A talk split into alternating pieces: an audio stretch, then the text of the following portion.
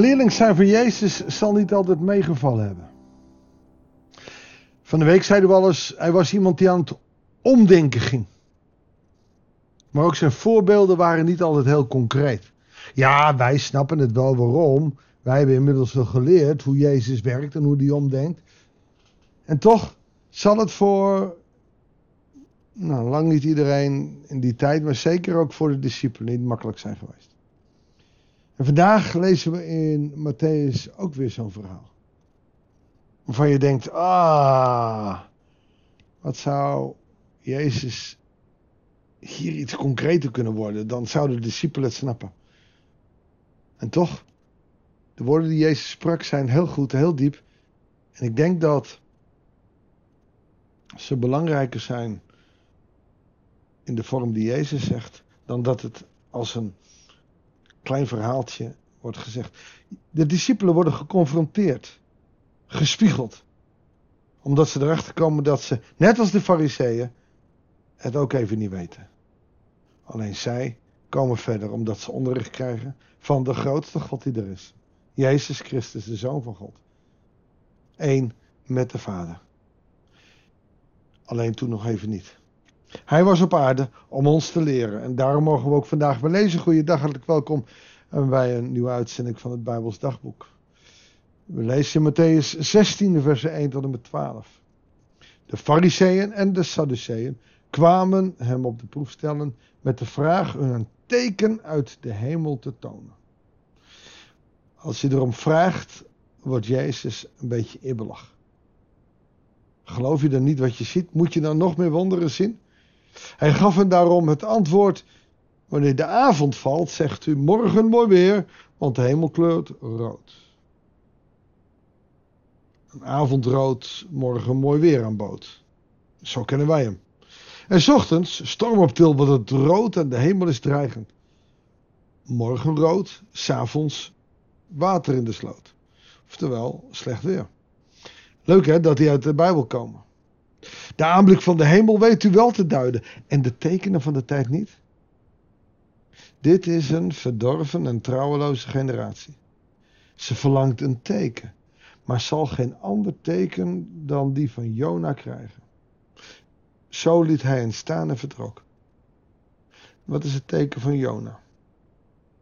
Jona wordt gevraagd te gaan naar Nineveh. Hij wilde niet, het was een goddeloze stad en vertrok de andere kant op. Daar kreeg hij noodweer en werd overboord gegooid. Het mooie is, die bootsmannen kwamen tot bekering. Vervolgens wordt hij op het strand uitgespuugd en moet hij weer. En hij doet het. En wat doet hij? Hij gaat met een lang gezicht zitten. In de hitte. God geeft hem een teken, namelijk een boom.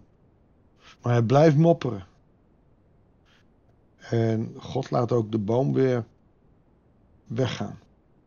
En Jona is boos. Ben je terecht boos? Ja, ik ben terecht boos. Jona krijgt het ene teken na het andere. Er is genade, ook voor de ongelovigen van Nineveh, maar ook voor jou. Jona is een boek niet over bekering van Ninevieten, maar meer van hoe wij mensen in elkaar zitten, zoals Jona. De leerlingen voeren naar de overkant, maar waren vergeten brood mee te nemen. Dus toen Jezus tegen zei, wees terdege op de hoede voor het zuurdezem van de fariseeën en sadduceeën, begonnen ze met elkaar te praten dat ze geen brood meer hadden meegenomen. Ken je dat, als je trek hebt? Dat je opeens over gebakjes begint. Dat je het slagroom al voor je ziet en dat je denkt, oh, daar heb ik zin in. Jezus spreekt hier over zuurdesem. Oh, daar bak je brood mee. Wat zou het lekker zijn als je een heerlijk vers brood nu even had. Want ze hebben trek. Jezus merkte het en zei: Kleingelovigen, waarom bespreken jullie met elkaar dat je geen brood bij je hebt? Begreep jullie het dan nog niet? En herinner je ook niet de vijf broden voor de vijfduizend? En hoeveel mannen jullie ook weer ophaalden? Die vijf broden, twee vissen was voor vijfduizend man. Of ook niet de zeven broden voor de vierduizend, inclusief de vrouwen en de kinderen zouden dat ongeveer 12.000 minimaal zijn geweest. En hoeveel mannen jullie toen weer ophaalden. Hoe is het mogelijk dat jullie niet begrijpen dat ik het niet over brood had? Wees op je hoede voor de zuurdesem van de fariseeën en de sadduceeën. Toen begrepen ze dat hij niet bedoelde dat ze op hun hoede moesten zijn voor het zuurdesem in het brood, maar voor het onderricht van de fariseeën en sadduceeën. Weet je, hoe wij Bijbel lezen is soms ook. Ja, maar er staat dit. En we letten dan op het brood, niet op wat Jezus of wat God bedoelt door zijn woord. Soms vatten we het zo letterlijk op dat we de boodschap missen. Net als de discipelen. Hij heeft het over zuurdesem, nou dan zal het wel over brood gaan. Gek hè? Jezus geeft, of sorry, God geeft een rustdag. En wij maken ervan dat je niks mag. Terwijl God weet dat wij rust nodig hebben. Zo bizar. Wij merken er iets heel anders van. En in die zin zijn ook wij christenen zuurdesem. En dan heb ik het niet over christenen die wat uitzonderlijk zijn, en, maar, maar, maar iedereen. Wij interpreteren soms de Bijbel op onze eigen manier, omdat het op ons uitkomt.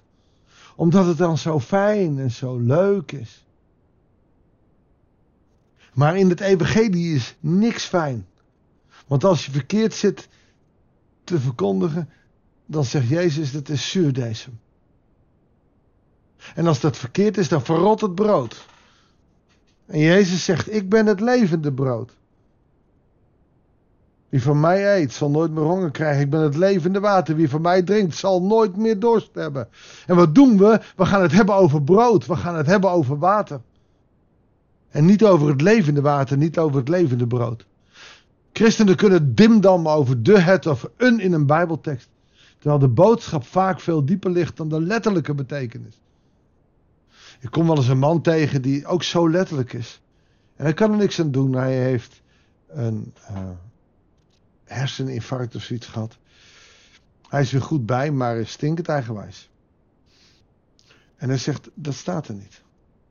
Om de Bijbel te snappen, zul je soms de diepte in moeten. Zul je soms tussen de regels door moeten lezen en moeten omdenken, net als Jezus. En als we het puur letterlijk nemen en daar een felle discussie over opstarten, dan kunnen wij nog wel eens het zuurdesem zijn. En Jezus waarschuwt voor het zuurdesem.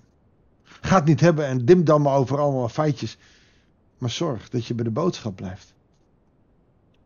En dat is Jezus. Jezus is het brood des levens. Laten we gaan bidden.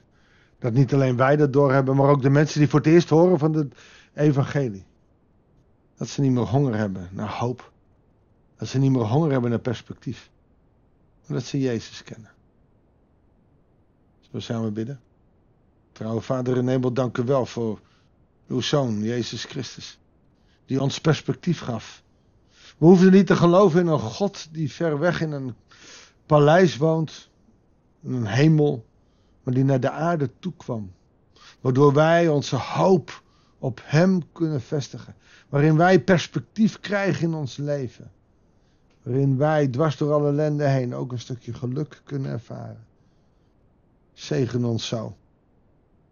Heere God, en leer ons niet het zuurdesem te zijn maar iets van het levend brood mogen doorgeven. Iets van het levende water mogen schenken in deze wereld. Omdat we geloven in u. Omdat we niet dimdammen over allerlei kleine dingen. Maar puur het evangelie verkondigen. En dan niet opdat we allemaal lief zijn. En dat we het fijn vinden. Maar opdat we door die harde woorden ook u, Jezus, leren kennen in ons leven.